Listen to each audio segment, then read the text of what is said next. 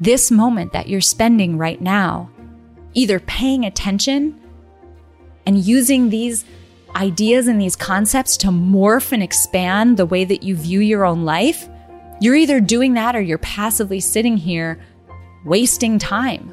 Why are you here if you're not allowing these ideas to morph and expand your mind? Your life is a precious gift.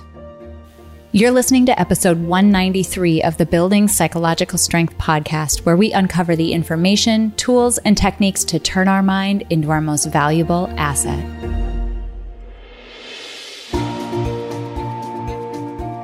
The courage to face fears with persistence. Being able to be present enough in this moment to choose my response thoughtfully. We have the strength to bend to life stressors, to bend to adversity without snapping, without breaking. There are only six things that contribute to our quality of life, and they are all experiences. In every moment, we are deciding who we want to be and how we want to live our lives. Noticing what your brain is doing and then being able to make choices. Mobilize the things that we know lift us up. Hey everyone, welcome back to the Building Psychological Strength podcast. My name is April and I'm your host. Of all of the weeks that we have released episodes recently, I am so thrilled that you're here this week. It's just you and I. We're here for an episode that is so near and dear to my heart. We're going to be talking about a topic this week that has been transformational, has completely changed the way that I approach my life and completely changed the life experience that I have on a day to day basis. And I want to give you a good, thorough introduction to it because I want to do the same thing for you. This week, we're going to be talking about life design. Specifically, we're going to be digging in deeper than we ever have on the podcast about what we mean by life design and even more specific than that, the five principles that you need to at least flirt with in order to have a successful life design experience and actually put these tools and techniques to work for you. So during this episode, I invite you to stay very open minded. I invite you to flirt with ideas that may initially feel contradictory. Ideas that you may initially want to dismiss or feel a little bit triggered by. Ideas and notions that you may initially disagree with. I want you to at least make the commitment to me right now that you'll remain open minded enough to at least flirt with them and try them on for size. Before we dive into the content, the meat of this week's episode, I want to talk about two things. One is just, again, to make you aware of a free resource that we have available for everyone right now. As school has begun, I've heard from more and more women, especially, but heck, parents, like everyone, who's really, who are really struggling with how to juggle everything how to wear as many hats as you need to wear right now in order to get through the days. A lot of families are having to, you know, help their kids learn at home. They're also, you know, doing their jobs or maybe looking for a new job. There are a lot of pressures right now. And as an answer to those pressures, we wanted to give you some healthy think interventions and tools and techniques that you can use in the moment when you start to feel overwhelmed or anxious or nervous or worried or perfectionistic. This is a set of three to five minute interventions that, again, are designed to help restore calm and peace of mind in the moment when you need them. You can find this set of tools at peakmindpsychology.com backslash support. You will literally enter information on that page and get immediate access to all three interventions that we have for you. Bookmark the page that comes up because you can come back again and again and use them. I have actually used our own resources in times that have been overwhelming to me within the last week and a half. They really work. And I want you to try them out. So peakmindpsychology.com backslash support, get immediate access, free access to that set of tools. So that was number one. Number two, I want you to get in the right mindset for this, this episode. A lot of you have heard me tell the story of my dad. And if you haven't, and even if you have, I think it'll help us all ground in the right frame of mind to be thinking about the critical importance that our lives have, the importance that we should place on living intentionally and being more thoughtful about how we craft our life experience. As many of you know, my dad passed away from cancer when I was 11 years old. This is after a five year, very grueling battle with different types of cancer treatments, losing weight, all the things that come with a cancer diagnosis that isn't going well. As you can imagine, my family grieved. We went through an incredibly difficult period during the time that he was in treatment, but especially after he passed away. And being 11, I was old enough to know what was happening, but I wasn't completely old enough to totally grasp the idea of mortality. And specifically by that, I mean, I understood that my dad wasn't coming back. But at the time, it didn't occur to me that that mortality applied to me as well. That the fact that my dad's time had run out would eventually happen to me as well. That grasping, that true, deep recognition of mortality and the finiteness of our lives, the limited amount of time that we all have. That realization came in graduate school. I was one of those people that maybe you are this person I mean, who knows? We all know them though, who are on the outside doing everything right. You're obeying all the rules. You're meeting everyone's, exceeding everyone's expectations. You're doing everything that you quote unquote should be doing. You're achieving the things. I was getting a PhD. I was doing well at it. I was running multiple research projects at the same time. And on the outside, it looked like everything was as it should be. But on the inside, it wasn't. On the inside was a list of things that I wanted to be doing. I wanted to begin public speaking in the way that I do today. I wanted to write impactful pieces that would help people's lives and apply to apply psychology to day-to-day life, not just in ways that would end up in peer-reviewed journals. I wanted to run a marathon. I had MS and I knew what it meant to not be able to walk and move and be paralyzed and blind and I wanted to run a marathon. I wanted to see if I could do it. But I wasn't doing any of that because I was afraid that I wouldn't do it perfectly and I was afraid that people would judge me. Let that sit for a second. I'm going to turn this on you. What is it that you are not doing today? Or what is it that you are doing in place of the thing that you'd rather be doing? Because your fear of judge, you have a fear of judgment because you're afraid of doing something imperfectly. You're afraid of failure, failing in front of people, failing to yourself. You're afraid that people might not see you as credible or they might not give you the permission you seek in order to take the next step. How many of you does that apply to? It certainly it certainly applied to me. I still struggle with it today. And I was sitting at my desk one day writing a research paper. And I thought about all the things I wasn't doing that I wish I was trying. There was another woman in my program who was running a marathon for the first time. There was nothing different or special or notable about her. She was a wonderful person, don't get me wrong, but she wasn't like some division 1 athlete. She was just a normal person, and she was doing the thing I wanted to do. And in that moment, I thought about my dad and the deep understanding and recognition from mortality hit me in the face. And I asked myself, what would my dad give for the opportunity that I'm wasting right now? If he could come back, what would he give to have the gift of time? The gift of the opportunity to try and even fail, brutally fail at something.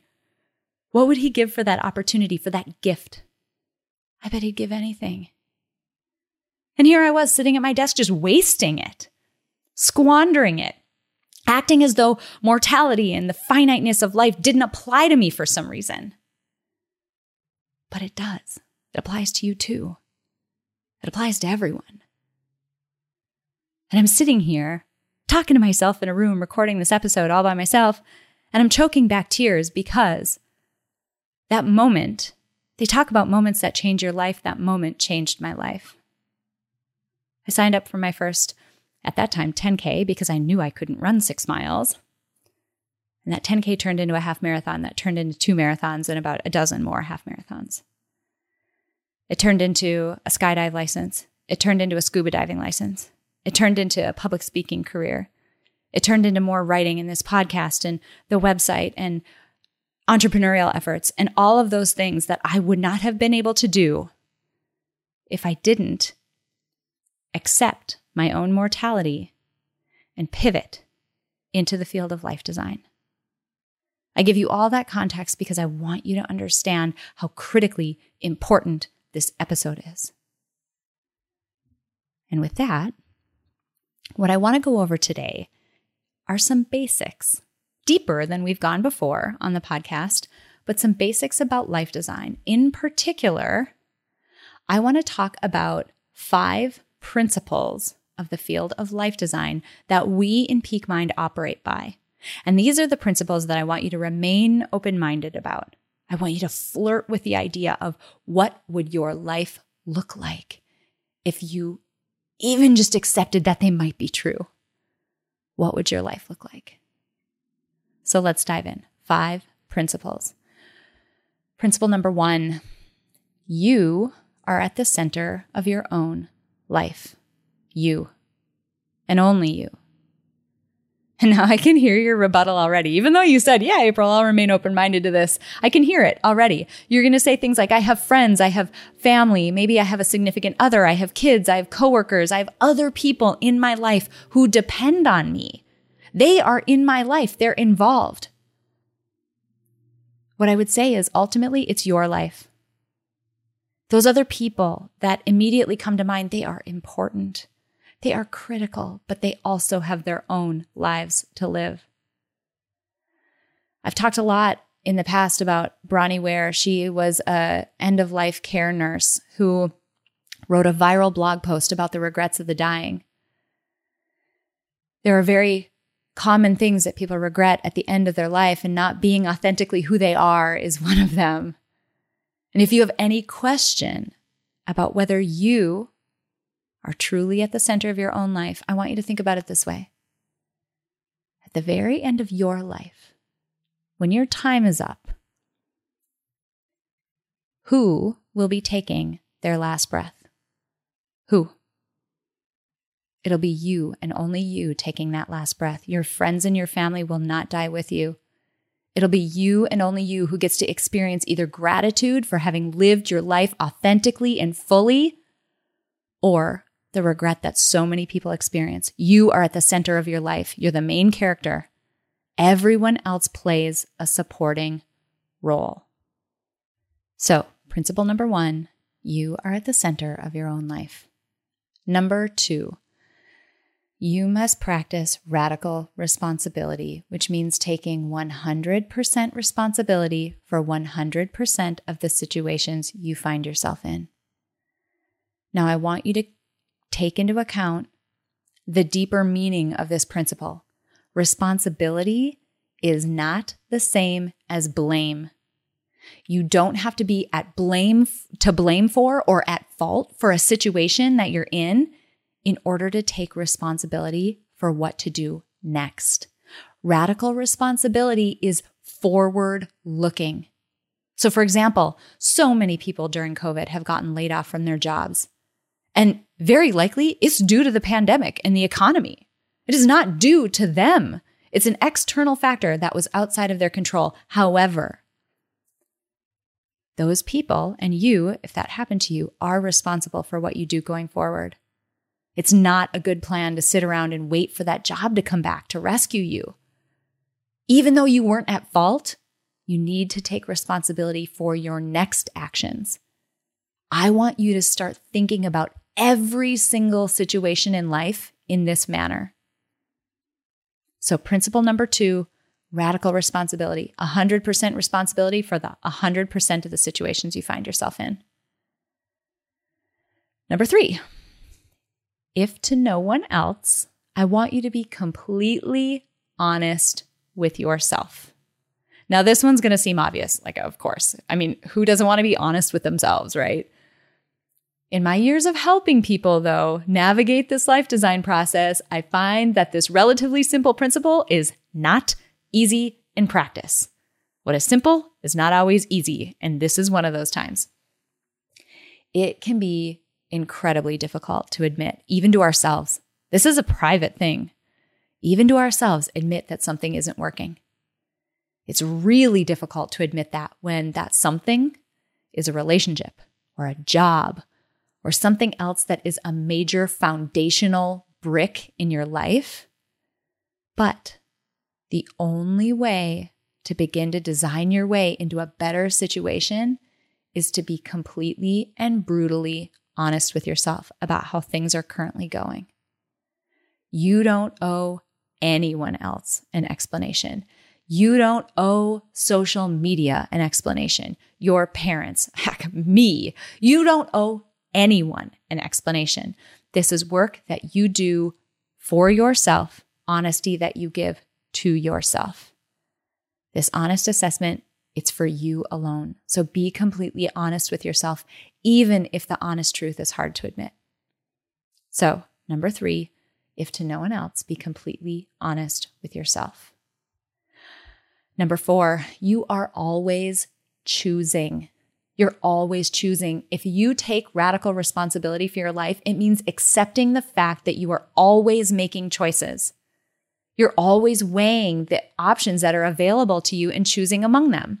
That doesn't mean you chose those options necessarily, but there are a set of options in front of you and you're choosing which path to take. And even when you when you're not choosing, when you choose not to choose, you actually are choosing. You're choosing to stay the same. And life designers, people who practice what we're talking about today, they understand that the design process is ongoing. You take a step, you test it, you evaluate, you see how it goes, and then you iterate, you make another choice. You do this again and again and again. And the iterative nature of this, these small decisions, these small tests and experiments, if anything, that should just take the pressure off of you. Sometimes making choices can feel so heavy, right? Decisions feel so big. I really don't love my job right now. Be honest. I don't love my job right now, right? Maybe you're sitting in a situation thinking that. What do I do? Quitting my job is a big, big decision. Maybe you don't make a big decision. maybe you make a small tweak. Maybe you start something on the side, or you dabble, or you just start to informationally interview, or you start to read Maybe you start to flirt with other jobs before you quit your current job, just as an example. So you're always choosing. And last, I kind of began here at the beginning of this episode, but the final principle of life design, and probably the most important one your life is a finite gift. A lot of people have read that Mary Oliver poem. I feel like people sort of roll their eyes at it sometimes. It's called The Summer Day. Do not roll your eyes. This, this line in it is so important. The line that says, Tell me, what is it you plan to do with your one wild and precious life? Your one, one precious life. This is not a dress rehearsal. My dad is not coming back he's not getting another chance. I'm not getting yesterday back, neither are you. This moment that you're spending right now, either paying attention and using these ideas and these concepts to morph and expand the way that you view your own life, you're either doing that or you're passively sitting here wasting time. Why are you here if you're not allowing these ideas to morph and expand your mind? Your life is a precious gift. I want you to go back to the story I told you at the beginning and the question I asked myself in grad school after losing my dad. What would my dad give to have, to have the opportunity that I'm wasting right now? You have that gift. You have that opportunity right now. You have someone in your life, like my dad, who you lost, who isn't coming back. You have that person. Use them as inspiration. What would they give? What would they regret? What are they missing? You're here right now for those things. You have the opportunity right now. Allow that to give you the audacity to break a few rules, to test a few boundaries, to test boundaries of yourself, to figure out what your true capacity actually is. Get some gumption. Allow it to give you that, that audacity. And that is the final principle of life design. And I want to run through them again really quickly because I want to make sure that this is something that you take with you as this episode ends. So, principle number one you are at the center of your life, you alone. Principle number two, you must practice radical responsibility, which means taking 100% responsibility for 100% of the situations you find yourself in. Number three, if for no one else, be honest with yourself. Number four, you are always choosing. And number five, your life is a finite gift. My life opened up when I started practicing the principles within the life design process. Things started to shift and change when I used my own mortality as a way to motivate me to live with a little bit of urgency. I have a million little tricks that are scattered all over my life. For example, I'll give you one thing that you can do right now that will change the way that you work and change your experience throughout the day. If you are a Google Chrome user, you can include uh, a plugin called Mortality. Mortality will ask you a few questions, and every time you open a new Google Chrome tab, it will give you a message. Mine says, now is a good time, and it tells you how many years, months, and days you have left to live based on, you know, algorithms and average life expectancy and that type of thing. But I'm 40 years old right now, and I have 44 years, seven months, and 29 days based on my mortality uh, algorithm. That's what I have left. I'm almost halfway there. Every day I look at this multiple times and it makes me think about Am I doing the things that I want to be doing? Am I aligned? You want to talk about passion for what we've created, especially in the Ascend program. We poured our hearts and souls into that program. And this is why. I hope you hear it. The reason why that program is so robust and why we love it so much is because it is life changing if you let it. It will change the way you interact with your own life, with your own mind, with other people in your life. Every situation will be impacted by that program. You won't be the same person. And I had to close by talking about that program a little bit because such a core piece of it, the third module in it, is all about life design. It's the goal with the goal of giving you the tools and techniques to be able to put these principles to work for you, supported by psychological work that helps your mind not get in your way. Because, newsflash, that's probably the majority of what's happening to a lot of us fear of failure, perfectionism, fear of other people's opinions. The list goes on. I was excited for you to join me for this week's episode because, again, it is so near and dear to my heart. If there's one thing I am more passionate about than anything else, it is the power of the design process to impact people's lives. Take these principles to heart, flirt with them, Look for them in your life. Where are you taking responsibility and where are you not? Where are you telling yourself the truth? Where are you not? What choices are you making and not making? And when are you taking for granted the beautiful gift that you have in front of you?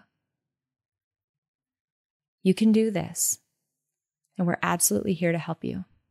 Reach out to us if we can help with anything. We would love for you to try out the Ascend program. Just go to peakmindpsychology.com. You can get to it right on the homepage of that website. We'd love to see you in the program. It has been such an incredible ride with the folks that are in there already. Thank you so much for joining this week. Your life is a gift, and I hope you spend it accordingly. Tell me if this sounds like you. I'll finally be happy. I'll finally take a breath. I'll finally find some balance when I get through this crazy season of life. We hear that from so many people, and the fact is, many times, life is just a crazy season. All of it. Between your career, your family, your community obligations, attempting to have a social life, and trying to fit in self care, whatever that is, we end up feeling stretched so thin. Now, I want to challenge you to think about things differently. Rather than focusing on external circumstances and their impact on your happiness, your sense of ease and balance, and your mental well being, what if instead you focused on something you can actually control? What if you built the psychological strength that would allow you to thrive through life when things are going well and even when they're not? What if you could feel less scattered, more in control, less anxious, more peaceful and joyful? We want that for you too. That's why we are so beyond excited to announce the beta release of our signature psych strength building program, Ascend. This program combines evidence based tools, techniques, and information from the fields of psychology and life design to focus on three important modules you, your mind, and your life. Learn your unique combination of strengths, values, and identity, and the ways in which they interact and lead you to approach life in your unique way. Dig into your mind to understand the conscious and subconscious processes that act as a lens through which you experience life. And finally, harness the power of life design to begin to steer your life into alignment with who you uniquely are. Enrollment in this beta round of Ascend is open now, and because it's our beta round, the price is astonishingly low. So if you have ever had even a suspicion that you could benefit from building psychological strength through a guided, science backed experience, now is the time. Visit www.peakmindpsychology.com backslash ascend for more information and to join us. Friends, it is time to build psychological strength. It's time to live by design and not by default. It is time to live like your life depends on it because it does.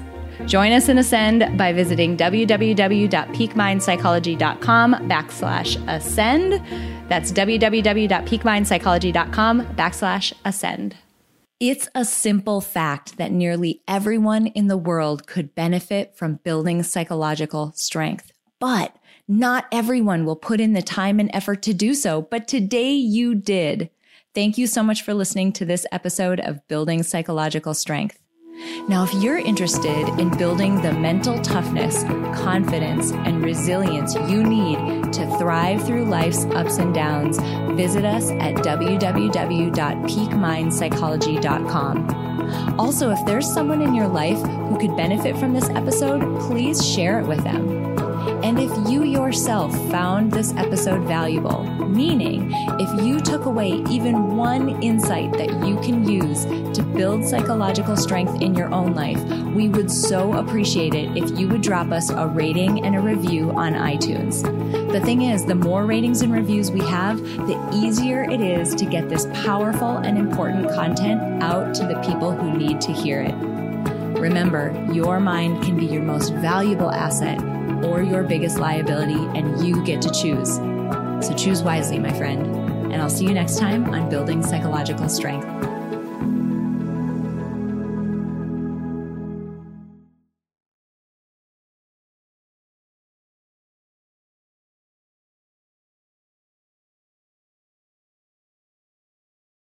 At Parker, our purpose is simple. We want to make the world a better place by working more efficiently, by using more sustainable practices, by developing better technologies. We keep moving forward. With each new idea, innovation, and partnership, we're one step closer to fulfilling our purpose every single day. To find out more, visit parker.com/purpose. Parker, engineering your success.